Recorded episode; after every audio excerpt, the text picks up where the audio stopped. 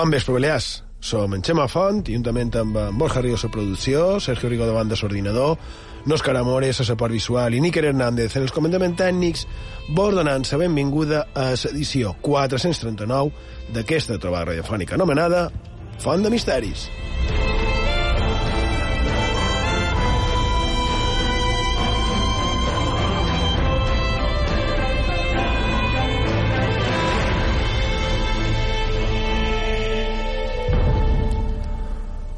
Bons i freds vespres, Borja Rigo. Efectivament, bon vespre.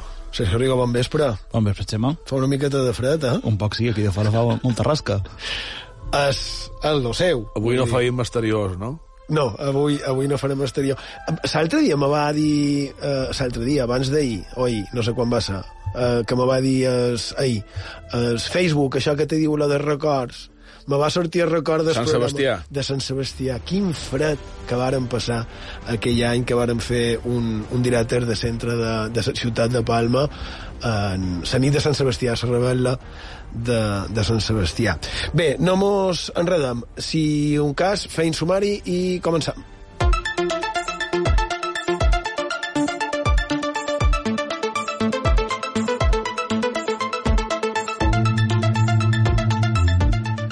Aquest programa 439 de Font de Misteris el començarem parlant de l'any 1000 i ens plantejarem si realment fou un any que té relació a la fi del món o no.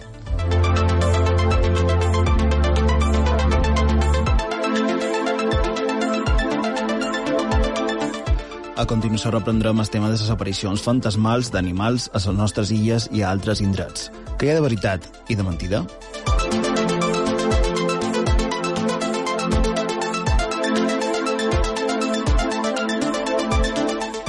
Recordem als nostres oients que ens podeu enviar tot allò que vulgueu en els nostres mitjans de contacte. Ho podeu fer, com sempre, per WhatsApp i Telegram. El número de telèfon és 659 769 52. Ho repetim, 659 769 52. També per correu electrònic, fontdemisteris arroba ib3radio.com fontdemisteris arroba ib3radio.com També mos podeu seguir a les xarxes socials, a Facebook i a Twitter ho podeu fer cercant Font de Misteris. També a Instagram, allà ens trobareu cercant Font de Misteris i B3. I si voleu podeu recuperar tots els nostres programes d'aquesta 11a temporada i de les anteriors. Ho podeu fer en el servei la carta d'IV3 Ràdio a ib3radio.com, a les diferents plataformes de podcast i a la nostra plana web fontdemisteris.com.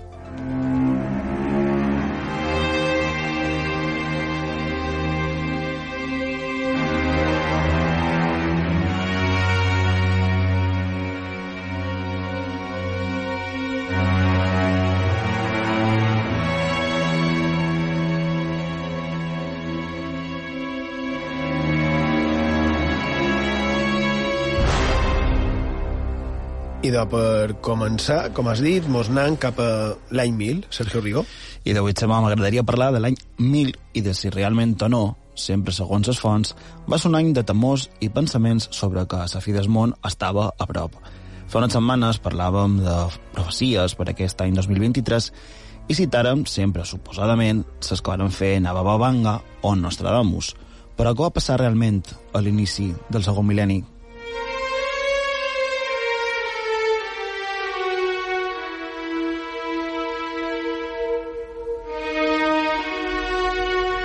Ens han d'anar fins al 974. Un sacerdot parisí va començar a predicar que l'anticrist vendria una vegada complet el primer mil·lenni del naixement de Crist i es produiria el judici final.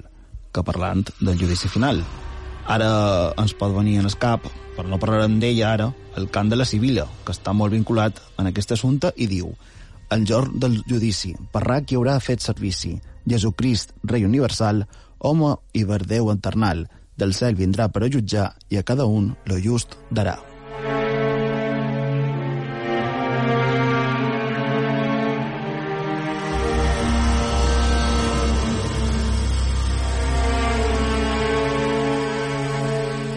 Però bé, tornant a l'any 1000. La persona que va assentar la teoria de la por de l'any 1000 va ser Cesare Baronio. Però per què? Perquè, segons ell, els textos bíblics, s'abarrava clarament de que vendrien coses terribles, i no podia ser d'una altra manera, en aquest any 1000. Segons Baronio, i citam el diari La Vanguardia, que recollia aquest interessant viatge, Estas palabras se habían difundido por las Galias, fueron predicadas previamente en París y se expandieron rápidamente por toda la tierra. Casi todo el mundo les dio crédito, siendo seguramente aceptadas con temor por los más simples, pero rechazadas por los más sabios. És a dir, podrien dir que la llegenda, entre cometes, de la fi del món fou així perquè se va extendre el rumor per tot arreu.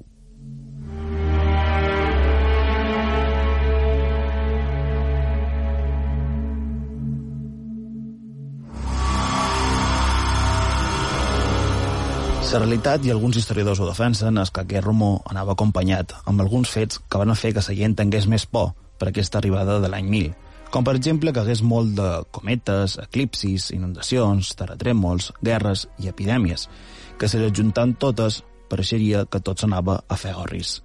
Sense fer presentisme, però durant la pandèmia no varen tenir aquesta sensació més d'un pic.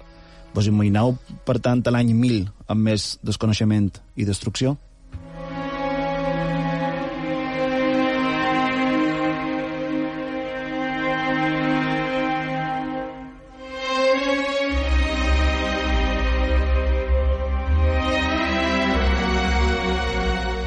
Després hem de parlar també sobre la possibilitat que els cristians no tinguessin por d'aquesta arribada de l'any 1000, perquè al final la mort els conduïa a la resurrecció, a la trobada en Crist, i deixa el món ple de misèria, per tant, que tenia de dolent aquest moment.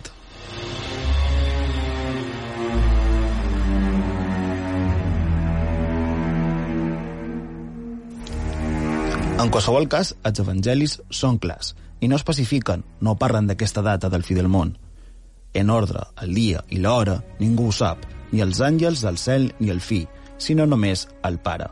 Mateu 24:36 i Marcos 13:32.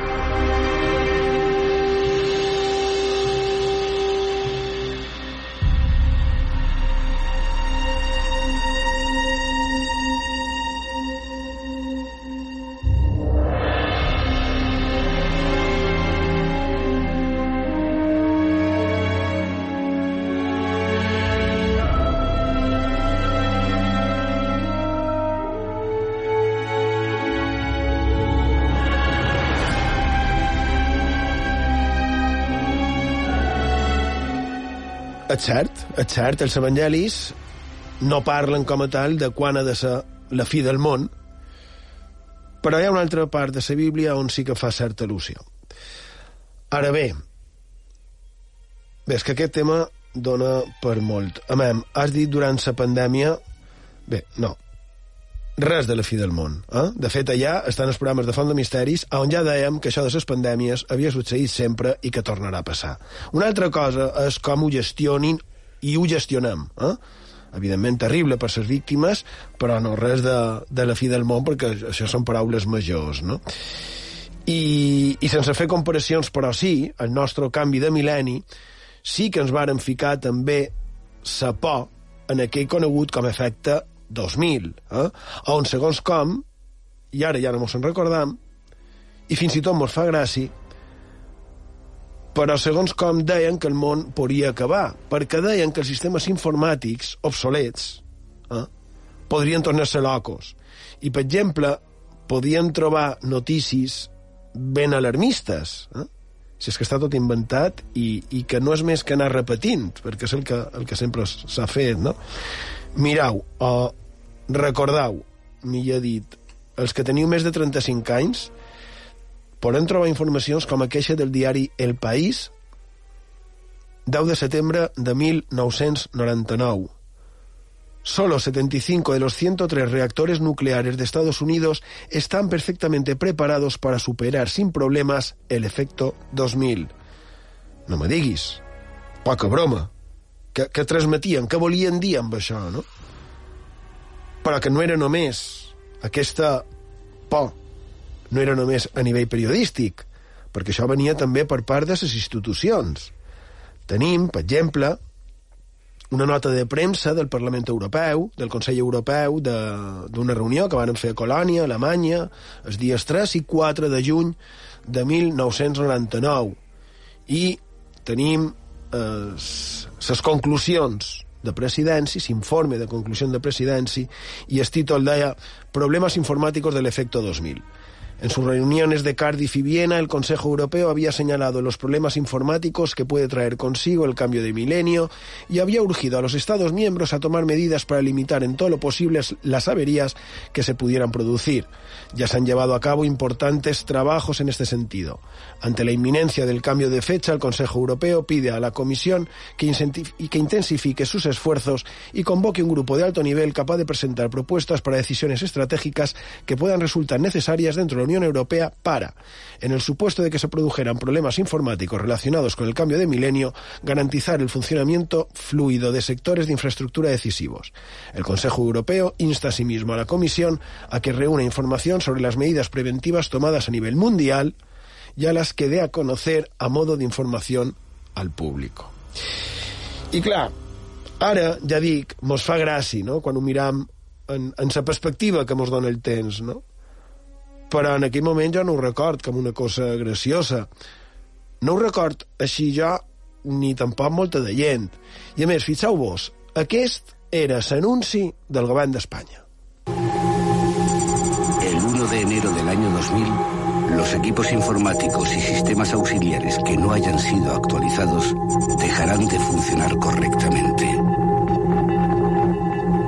Evitar el efecto 2000 es fácil. Consulte con el fabricante o su proveedor habitual. Efecto 2000. Depende de usted.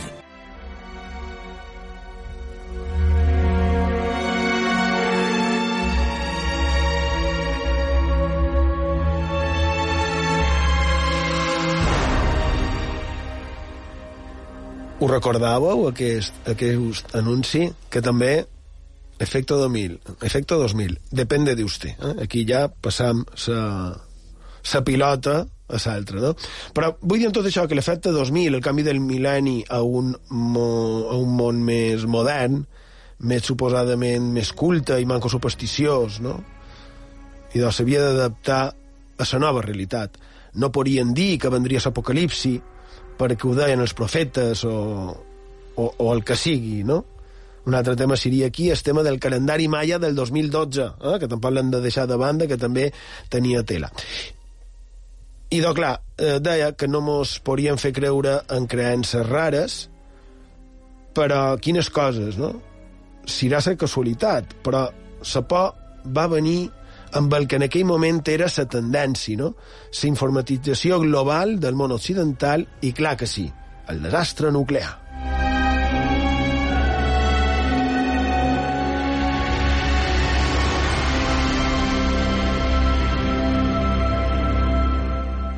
I si juntam tot, i no tenim un fantàstic capítol del Simpson, eh? temporada 11, episodi 4, eh, on fan el que ells coneixen com les eh, històries de terror de, de Halloween, on uns mesos abans de l'any 2000 van emetre un capítol on en Homer ha de ser encarregat d'adaptar la central nuclear de Springfield on fa feina i podem imaginar el desenllaç. Maravilloso, esa canción se la dedicamos a todos los superempollones que se han pasado horas trabajando para evitar el efecto 2000. Enhorabuena. Eh, Homer, ¿no fuiste una vez el jefe de informática de la central? Pues claro que lo fui. Sería difícil preparar tantos ordenadores para el 2000. ¿Difícil? Los preparaste, ¿verdad, papá? Porque una sola unidad defectuosa puede provocar el desastre en todos los ordenadores del mundo. Esas son tonterías, cariño. Si eso fuese verdad, estaría aterrado. Ocho, siete, seis. Queremos dar las gracias a Mayonesa Dixie. Pruébenla si aún no la han probado. ¡Tres, dos! Es el ordenador de Homer Simpson. ¡Oh, Dios, extiende! ¡Oh, no! Ha ocurrido.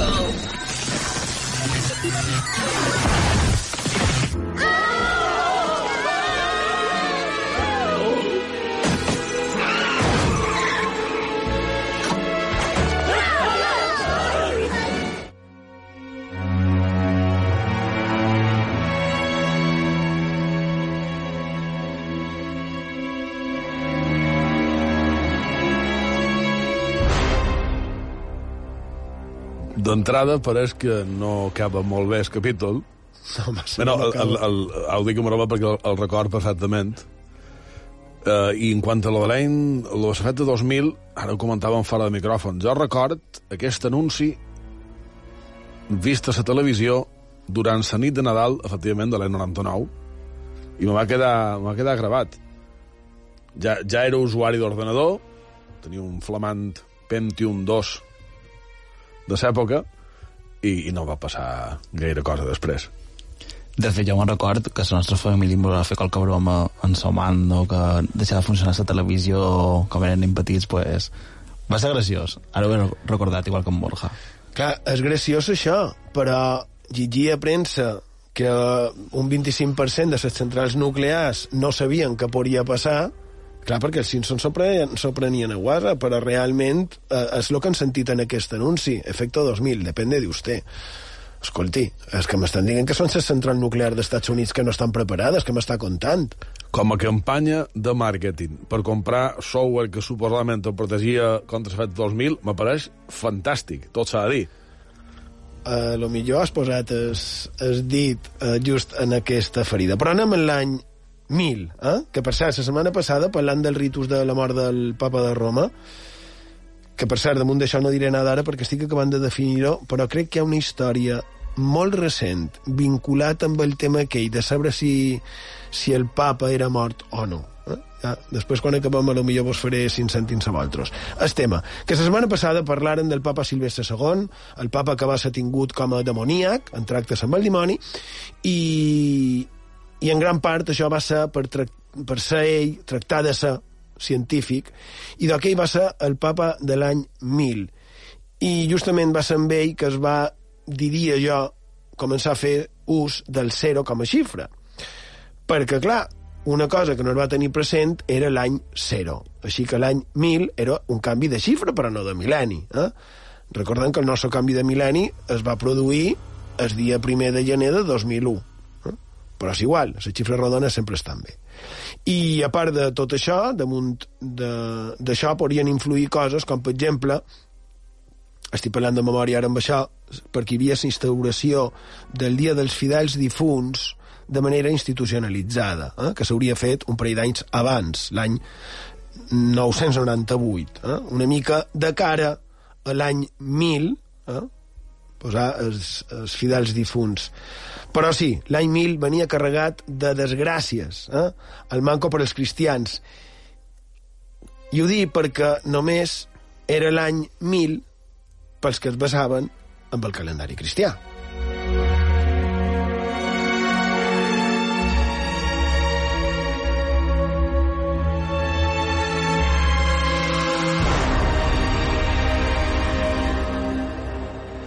I de l'any 1000, per a una part dels cristians. Però alerta, perquè, per exemple, a bona part de la península ibèrica, més de la meitat, jo diria que unes tres quartes parts de la península i a les nostres illes, aquest problema de l'any 1000 no el tenien.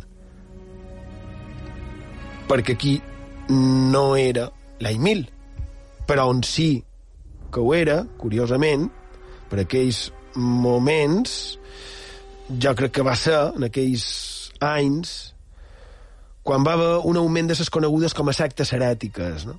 I la pregunta, la pregunta que jo me faig és i si fos una manera de tractar d'adreçar-los?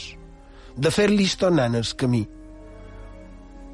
Una manera de ficar por a la gent no fos cosa que et sentissin atrets per aquelles noves creences, si fos això. Recordem com varen acabar, no? Una mica més endavant a la història, la majoria d'aquells que sortiren de la línia oficial establerta, recordem això, com va acabar. Així que a vegades pens que simplement el mil·lenarisme va ser aprofitar les circumstàncies per aconseguir fidelitzar en els seus. No ho sé, és una possibilitat.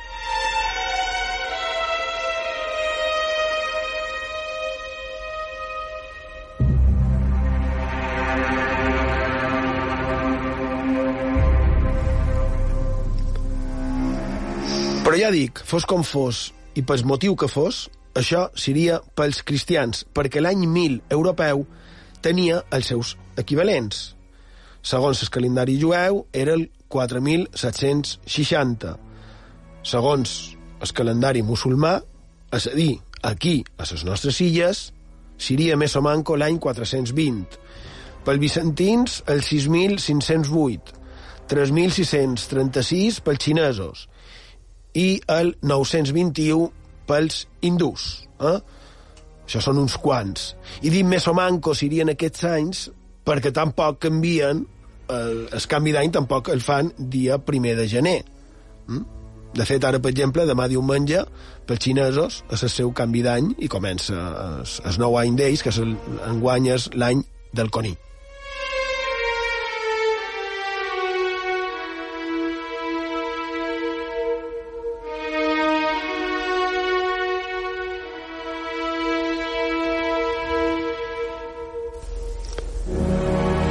Que ja és casualitat que torni a sortir el tema dels conis a font de misteris, però no mos desviem. Volia parlar de com l'any 1000 tal vegada es va aprofitar que la cosa se'ls anava de ses mans pel tema de, sa, de cada pic eh, més freqüent importància de les sectes i es va aprofitar per ficar por per evitar que les suees se n'anessin de mare. No? Perquè havia, s'havia de recordar que el Job sempre hi és present y, a la White. ¿eh? La tranquilidad religiosa de Bizancio apenas duró tres siglos, con la aparición de los paulicianos, afincados en la actual Armenia. Los acólitos del obispo Paulicio abogaban de nuevo por la dualidad y el retorno a una existencia humilde, justo el tipo opuesto de vida que ostentaban desde Constantinopla los altos cargos de la Iglesia y el propio emperador. Las autoridades no perdieron el tiempo a la hora de buscar y, erradicar violentamente aquella corriente. Y con la llegada del año 1000, la coyuntura espiritual se agravó con los bogomilos y los eutiquios. Mientras los primeros insistían desde Bulgaria en el dualismo a todos los niveles, los segundos se proclamaban en plena Constantinopla abiertamente luciferinos, esto es, seguidores del ángel Luzbel, en tanto que este constituía un signo de rebeldía. De nuevo, los poderes fácticos pusieron toda la carne en el asador, y aquí diu, valga la redundancia, para eliminar esta amenaza, aunque muchos de sus seguidores lograron escapar a Occidente. Movimientos disidentes aparte, los prebostes romanos y sus homólogos bizantinos apenas cambiaron sus tácticas para contrarrestar la creciente influencia bárbara. Si en los tiempos del imperio la tónica era solapar a las deidades locales con las propias, ahora cabía dar paso adelante mediante acciones más drásticas. Póngase por caso eliminando las cabezas visibles que canalizaban las, la actividad espiritual de cada tribu. Això està estret del llibre Caza de Brujas de Alfonso Trinidad.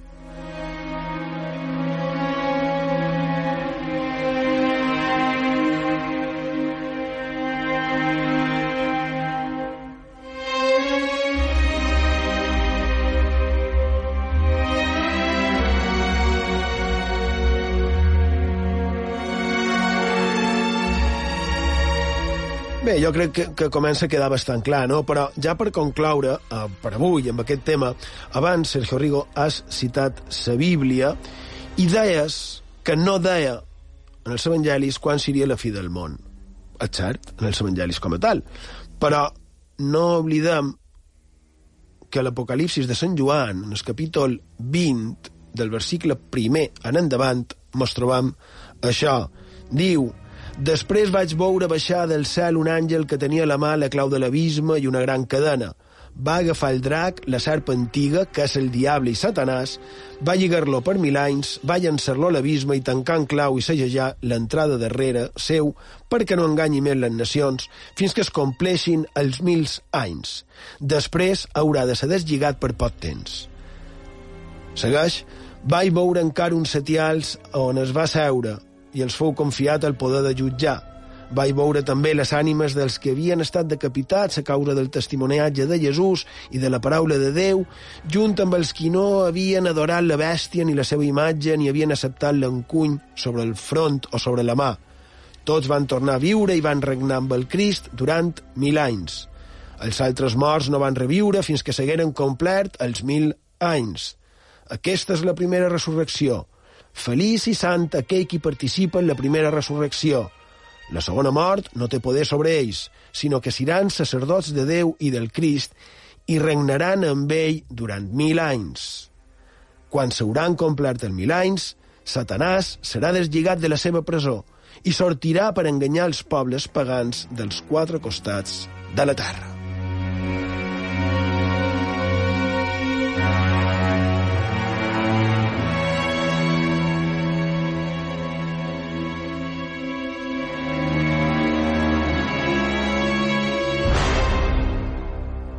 Davant d'això, imagineu que podrien pensar. Però fos com fos, no va passar res excepcional.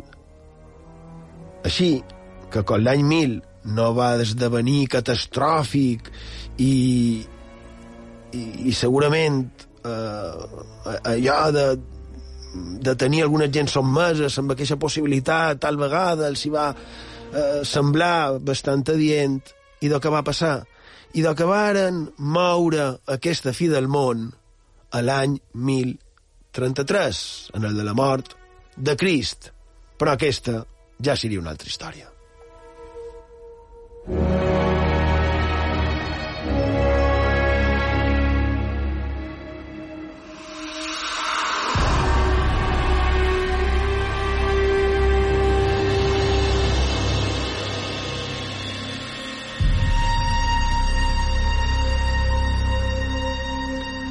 Ah, bé, sí, sí. Uh, el que seria també una altra història seria que també va haver uns altres, i aquests són els que no passen mai a la història, aquells que el que varen fer l'any 1000 va ser celebraró a la grossa perquè feia, per ells, mil anys que havia nascut el Salvador. Així que, com sempre, per a tots els guts.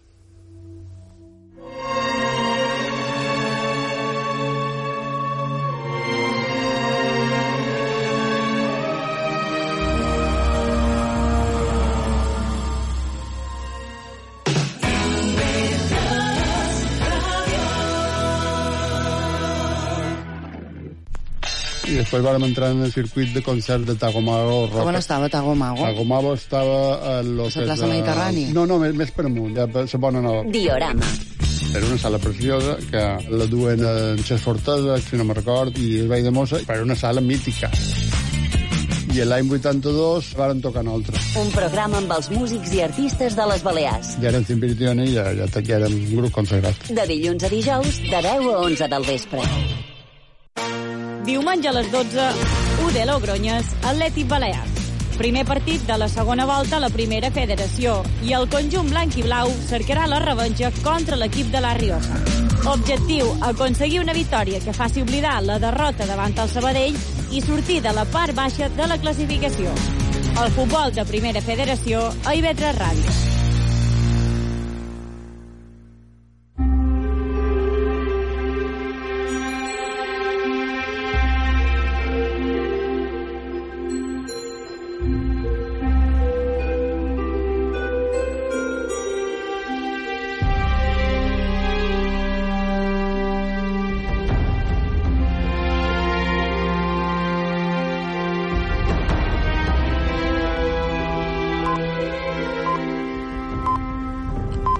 Seguim a Font de Misteri, sintonia d'IV3 Ràdio, la ràdio pública de les Illes Balears. A Menorca mos podeu trobar en el 88.6 de la freqüència modulada. I diumenge passat, que, com sempre, mos començam a embolicar amb unes i altres historietes, i de vàrem acabar dient que avui en Borja encetaria el programa amb més casos de, de fantasmes, on el protagonisme no el tenen tant les persones, sinó els animals. És a dir, estranyes situacions relacionades amb aparicions on això, el protagonisme, el tenen els animals.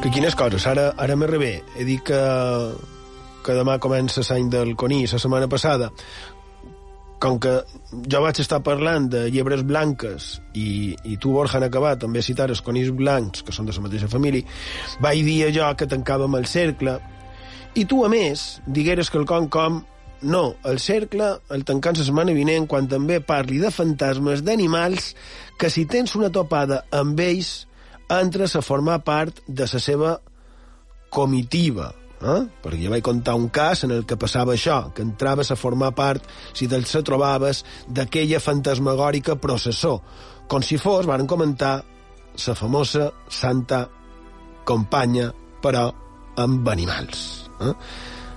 I de Borja Rigo, quan vulguis. I d'ara una tradició ben curiosa que mos du en el nord de l'Argentina i que citen obres com Seres sobrenaturales de la cultura popular argentina. Vull recordar la coneguda com a Mulànima. Se conta que una vegada, a qualque poble d'aquelles terres, d'aquelles contrades, va viure una dona extremadament promiscua, fins a un punt que va arribar a tenir topades carnals amb diversos dels seus familiars i fins i tot amb el capellà del seu poble. Cap d'ells va mostrar cap casta de penediment, però ja imagineu, la culpa, tota ella, se l'en va dur la dona. Sobre ella va caure una terrible maledicció que la va convertir en un ésser fantasmagòric, en una mula, portadora de gruixades i pesades cadenes. Mula, sí, però conservant els seus ulls. Així se va veure obligada a recórrer sense aturar els quatre punts cardinals tota la geografia argentina a manera de càstig per aquella ànima turmentada.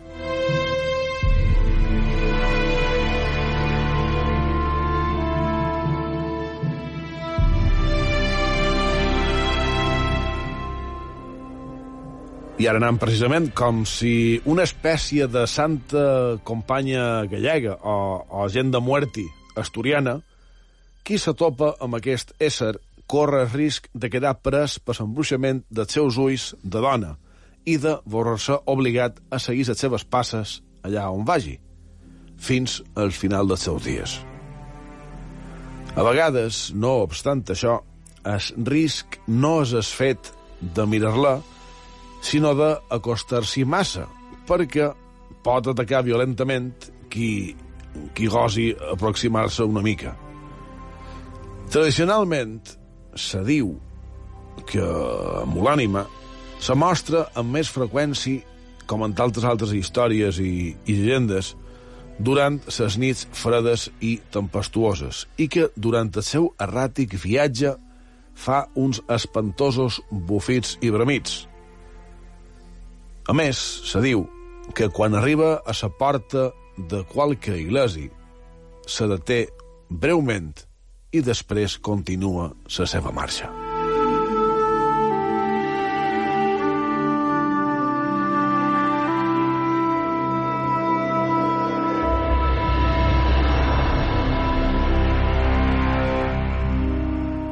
I seguint amb aquest llibre que acabo de citar fa un moment, el éssers sobrenaturals d'Argentina, mentre el trascava, he trobat una cosa que d'entrada no hauria de tenir a veure amb el tema, però que finalment sí. Se tracta d'un ésser conegut com a Kaaporà, que compareixeria a la regió guaraní. Se'l descriu com un manot pelut i gegant que fuma amb una pipa feta amb un crani i una tíbia humanes – i que mata a la gent xuclant-la. A més, se diu que l'única resta que deixa de les seves víctimes són els budells. Seria com una espècie de, de Bigfoot guaraní, si voleu. Però en el final del capítol, el llibre afegeix una altra versió molt breu, però sorprendiu.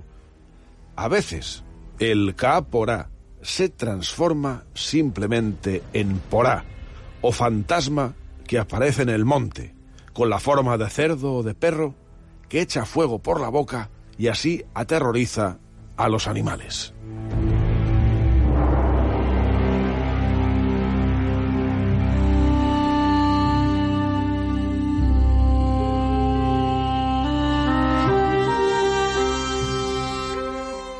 I una altra història, en aquest cas, del llegendari lo trobam, entre altres, al Diccionari de Fantasmes, Misterios i Leyendas de Venezuela.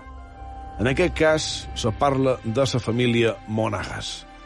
Resulta que, en certa ocasió, el capellà del poble va fer un sermó a la fia d'aquell matrimoni perquè sempre mostrava més cuixa de lo que aquell religiós trobava correcte. De fet, per aquest motiu, la va fins i tot expulsar del temple.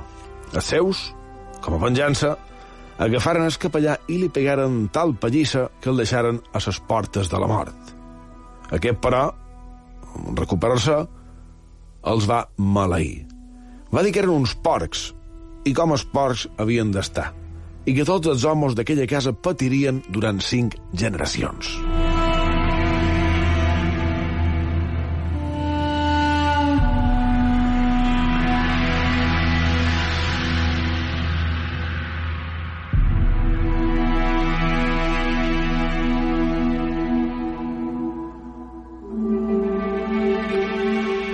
Així va succeir. Passat un temps, un dels germans conduïa ramat d'un poble a un altre i en el camí se va topar amb una presència terrible i fantasmal que d'entrada ell no va percebre, però que el seu cavall sí. De fet, se va encabritar i el va tomar en terra. En aixecar-se, aquell jove va veure un grapat de porcs comandat per un més gran i de color negre. Dels seus ulls sortien flames. Tant li va espantar sa visió que va caure en el riu i se va ofegar. Un altre dels germans, una nit que tornava a casa després d'una festa i d'haver begut per ventura massa, se va topar també, en aquest cas, amb els fantasmagòrics porcs. Valent per ventura per l'alcohol, va seguir el seu camí, però el matí següent el van trobar mort no gaire en fora.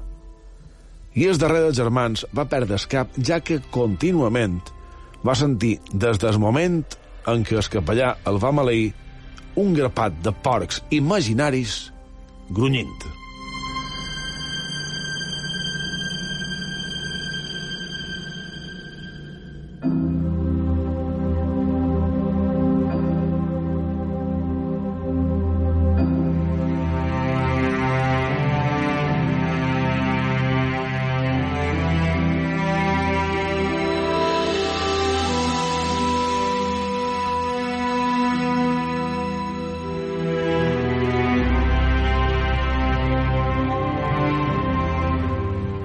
Si ara ens acostam una mica geogràficament i també retrocedim en estens, trobam una curiosa història. La recull en Fernando Lillo Redonet en el seu Fantasmas, Brujas i Magos de Grècia i Roma.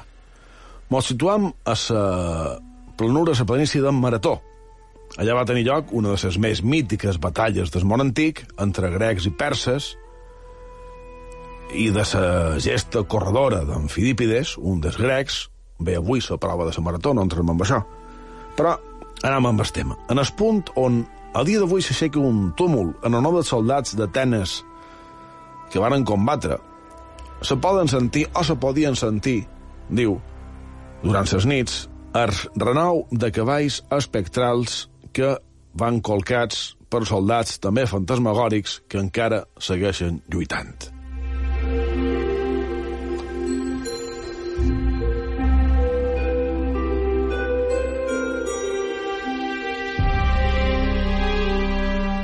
I de Marató votam a Escòcia, ben a prop de la mítica capella de Roslin, vinculada a templaris i fins i tot, per aventura, a viatges a Amèrica dècades abans del primer viatge d'en Cristòfol Colom. Nam en el castell de Roslin, a les seves ruïnes, millor dit, que temps enrere van ser la casa de la família Sinclair, que foren precisament qui van anar a construir la capella. El cas és que en els anys 80 del segle passat se va reformar una part d'aquest indret i se va dedicar a usos turístics. Però el fantasma, o fantasmes que ja compareixien abans, no ho van deixar de fer. En aquest cas, parlant principalment d'un ca. Sí, un altre esperit de ca. Hi ha una història que diu que tot això ve d'una batalla que va succeir en el castell. Un soldat escocès va matar un anglès i es que aquest duia també es va ficar en el combat en la desgràcia de que també va caure baix l'espasa escocesa.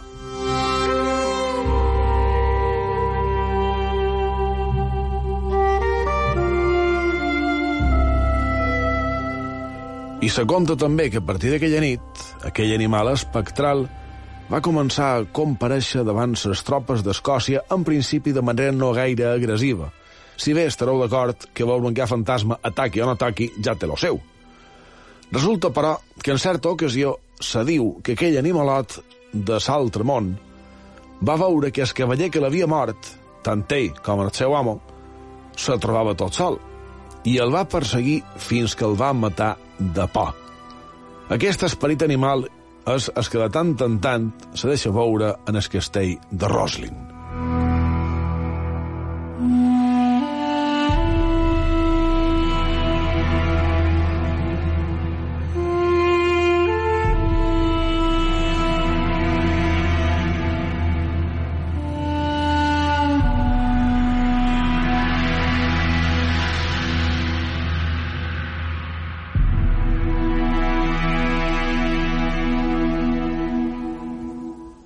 en aquest recull que has fet has parlat de mules, eh? la mulànima. Quina paraula més adient, més significativa, més, més potent, no? A part també has parlat d'aquella mena de Bigfoot que, a part de l'aspecte simiesc, també es podria transformar en ca o en porc. I és curiós perquè veig que no deveu saber que per aquestes conrades més properes i relacionades bastant més en la nostra terra, també hi havia la creença amb un ésser molt semblant, eh? una mena de Bigfoot, si voleu, i del que encara no hem parlat a Font de Misteris, i, i bé, clar, després mos demanau i, i després de tant d'anys de, de programa encara teniu temes. I de, fixeu-vos, no hem parlat d'aquella mena d'animalot, com un jet i un Bigfoot, que estiria ubicat en els Pirineus. Eh? O sigui que mireu si hi ha temes. I bé, també has parlat de cavalls, de més porcs, de cans, i, i tot ells amb un nexe en comú. La seva capacitat de fer por i de relacionar-los amb la tragèdia. Jo, en la mateixa línia, vull seguir amb altres animals, també variats, que s'apareixerien en forma d'espectre o d'ésser supranatural, misteriós, fantàstic o, o digueu-li com vulgueu. Però que si un se'ls troba, crec que la definició, la manera de descriure-los, descriure no seria que ni una de les que he dit.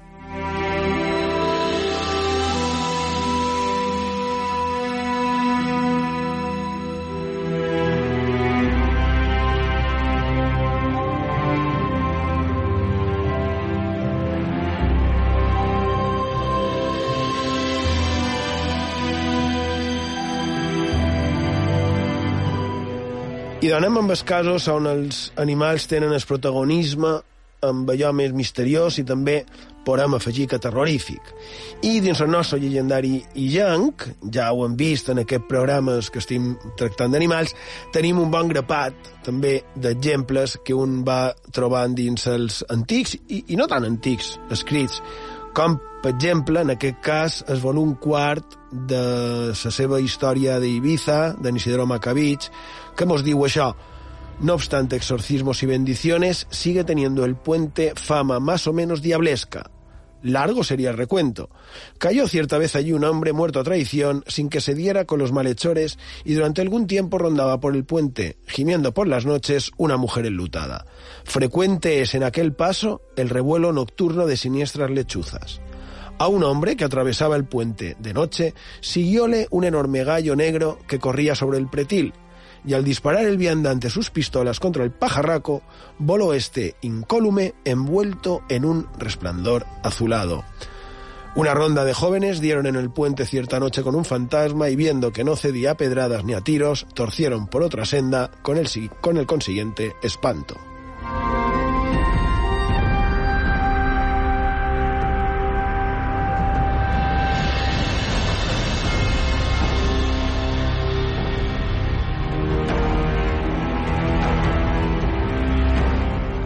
Aquí el detall és que els vianants, tant els d'Esgai com els altres, anaven armats. Eh? Detalls que ja vàrem estar comentant en Irene en, els, en el Contes i Rondalles i, en, i, i, i que han d'ampliar qualque dia. Però que rebent tirs el gai negre va seguir volant però envoltat dins una llum blava i d'això, quin susto.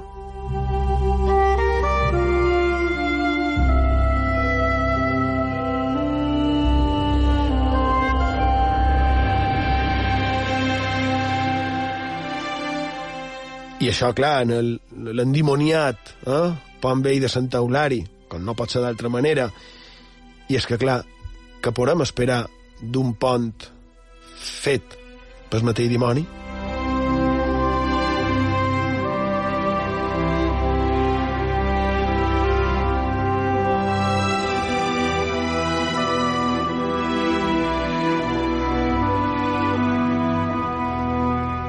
Doncs, clar, en aquest cas, el dimoni se'ns pot aparèixer en la forma que vulgui. Eh? De fet, fins i tot està recollit a tractats. Un d'ells, un, un d'aquests tractats, molt recomanable, és el de El culto a la brujeria en Europa Occidental, de na Margaret Murray. Aquella increïble dona, polifacètica, inquieta, avançada a la seva època, i de, i de quina manera avançada, que de més va viure a Menorca, y no.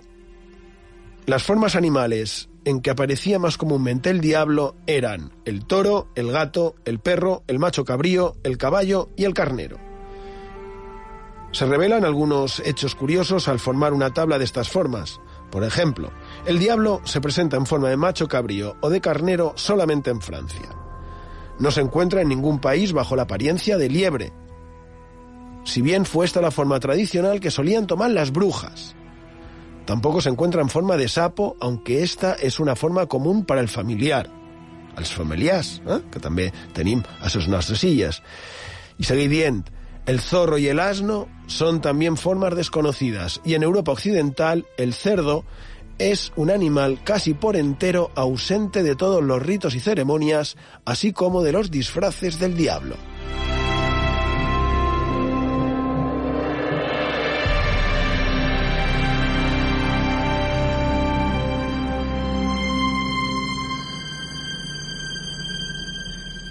Inclou un, un bon variat d'animals. Eh?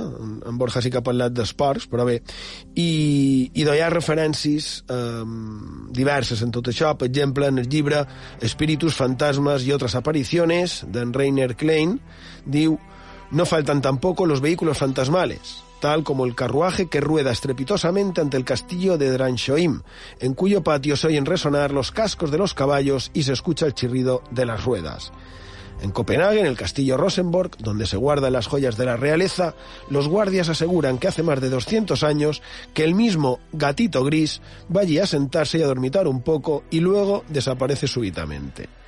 En el castillo de Curre, antes situado en un islote, pero tras la desecación del lago, ahora en medio de un campo, afirman que se oye el sonido del navegar de una barca, el del golpe de los remos y el chirrillo, el chirrido de la argolla metálica a la que la barca se ataba, y ahora ese castillo está rodeado de perros fantasmales. También se asegura haber visto por el parque Skansen de Estocolmo desplazarse el fantasma de un gran oso blanco que muriera allí siglos atrás. I ara això, que ja aquí m'he quedat una mica perplexa, diu, y era costumbre que los cementerios dinamarqueses fueran protegidos por el fantasma de un animal sacrificado allí, generalmente una oveja.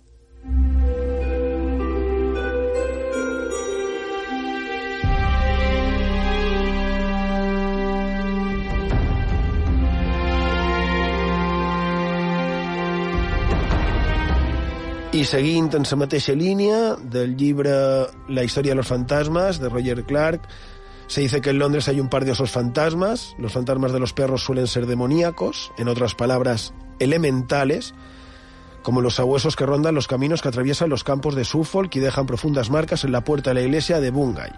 Estos perros tienen nombres bien sonoros, Galetrot, Black Shack y Barguest. El hecho de que se localicen principalmente en las regiones de East Anglia y Yorkshire parecen sugerir una procedencia vikinga. Resulta de lo más habitual que alguien que acaba de perder a un perro o a un gato muy querido afirme haberlo visto.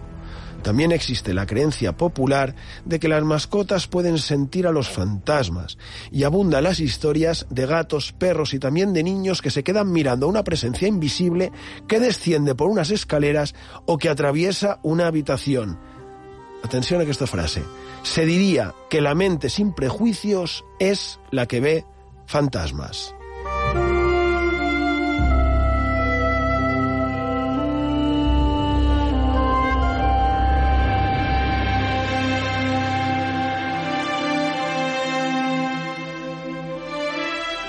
Se diria que la mente sin prejuicios és la que ve fantasmes. Per això es, diu, es diuen que els moixos tenen aquesta mirada perduda, sense saber cap a on van. No sé si serà la propera setmana o una altra més endavant, perquè aquest tema el trobo fascinant i encara queden moltes coses per contar, però ten recollida una de premsa del segle XIX on apareix precisament en aquest sentit el fantasma d'un canet que la història és simple, però esgarrifosa, no? Crec que hi ha moltes històries molt curioses damunt de tot això. I després està el tema que encara no han comentat, que és el de les bruixes que tenen aquesta capacitat de transformar-se en animals. És a dir, ja han citat els animals com a tal, el dimoni que es pot convertir en certs animals, persones que han estat convertides en animals, com la mulànima, m'ha encantat la mulànima. Aquesta conjunció de la paraula mula i ànima, ho trobo fantàstic jo crec que podem, si vos sembla, seguir més endavant amb aquest tema tan misteriós, tan espectral, que és el dels animals.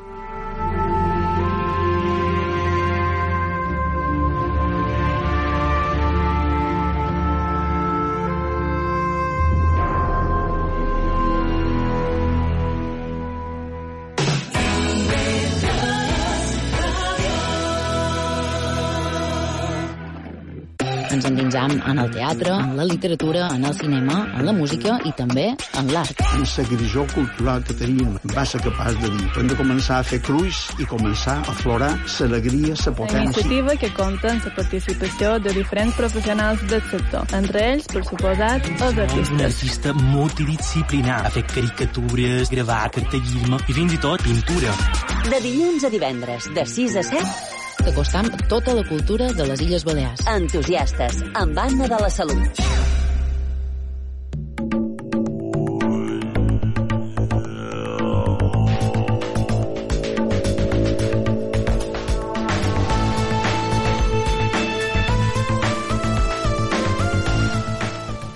I d'hem arribat a la fi del programa d'avui. Esperem que hagueu passat una estona agradable i que hagueu pogut treure qualque cosa a profit d'aquesta font de misteris. I bé, dijous passat vaig agafar el bus en el Cetis, la meva targeta que no funciona, el xòfer era ben agut, però no va poder solucionar. Així que res, vaig pagar, me'n vaig cap a on vaig un espai lliure, i en terra hi ha el que en castellà es diu un coletero. I no sé per què, perquè era un, era un coletero normal, de tela, però ben normal, però el vaig agafar i el vaig deixar en el seient de devora, que, que era buit. Me sabia com a greu que estigués allà en terra tirat.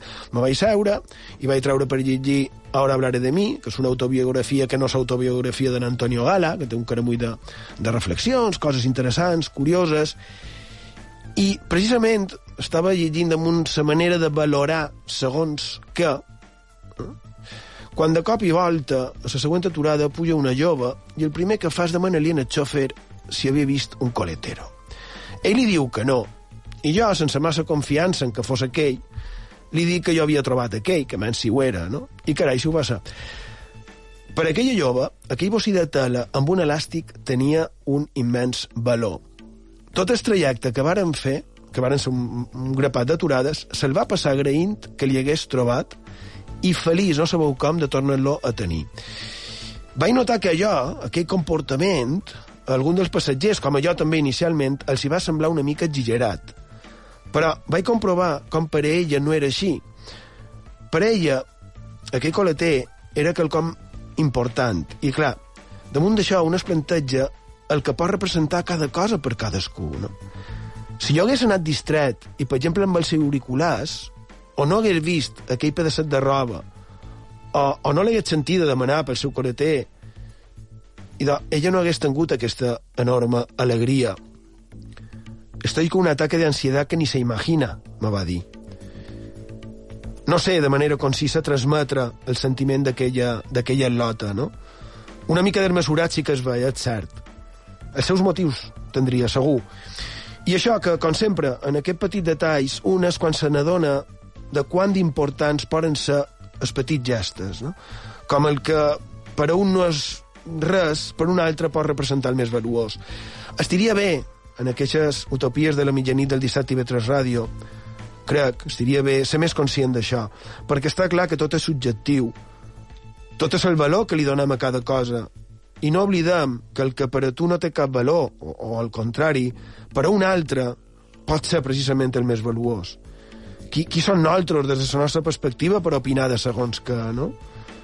No ho sé, una, valuo, una valuosa joia en el desert pot no servir ni per pagar una botelleta d'aigua. Abans en Níker Hernández i en Borja Rigo estaven parlant de, de Viven, no?, d'aquell fet que va succeir en els Andes. I clar, tot això t'endueix a pensar que no és més ric el que més té. I sovint, massa sovint, hi ha persones que, com en diuen Sabina, són tan pobres que l'únic que tenen són dobbers. I de don Joaquín Sabina, pobre Cristina. Allí, Pau, bona nit, gràcies per la vostra companyia i fins demà. Era tan pobre que no tenía más que dinero, besos de sobre, herencia de su padre el naviero, anfetaminas y alcohol desayuno, mis así. Pobre Cristina, que al fin logró quedarse en el chasis. Solo yo sé que dice la pura verdad cuando jura que toda su fortuna daría por echarse un noviete aburrido y formal, por entrar de oficial en una peluquería. Cris, Cris, Cristina, suspira y fantasea con que la piropea un albañil. Cris, Cris, Cristina, que un botón espera si le puede conseguir pastillas para dormir. Corazón tierno, los dueños del verano la miman, pero el invierno no se lo saca nunca de encima. Con su cara de dólar, ha amortizado varios maridos, pero siempre está sola, poniéndole una vela a Cupido. Isla de Escorpios en yate a New York, del gran baile de Mónaco a cenar Maxim's, guardaespaldas armados la sacan del Rolls, un amante alquilado le calienta la suite. Tris, Tris, Cristina, dirige una oficina tumbada en la piscina de Incosol. Cris, Cris, Cristina, aunque se derrita empapadita de sudor, no se quita el albornoz.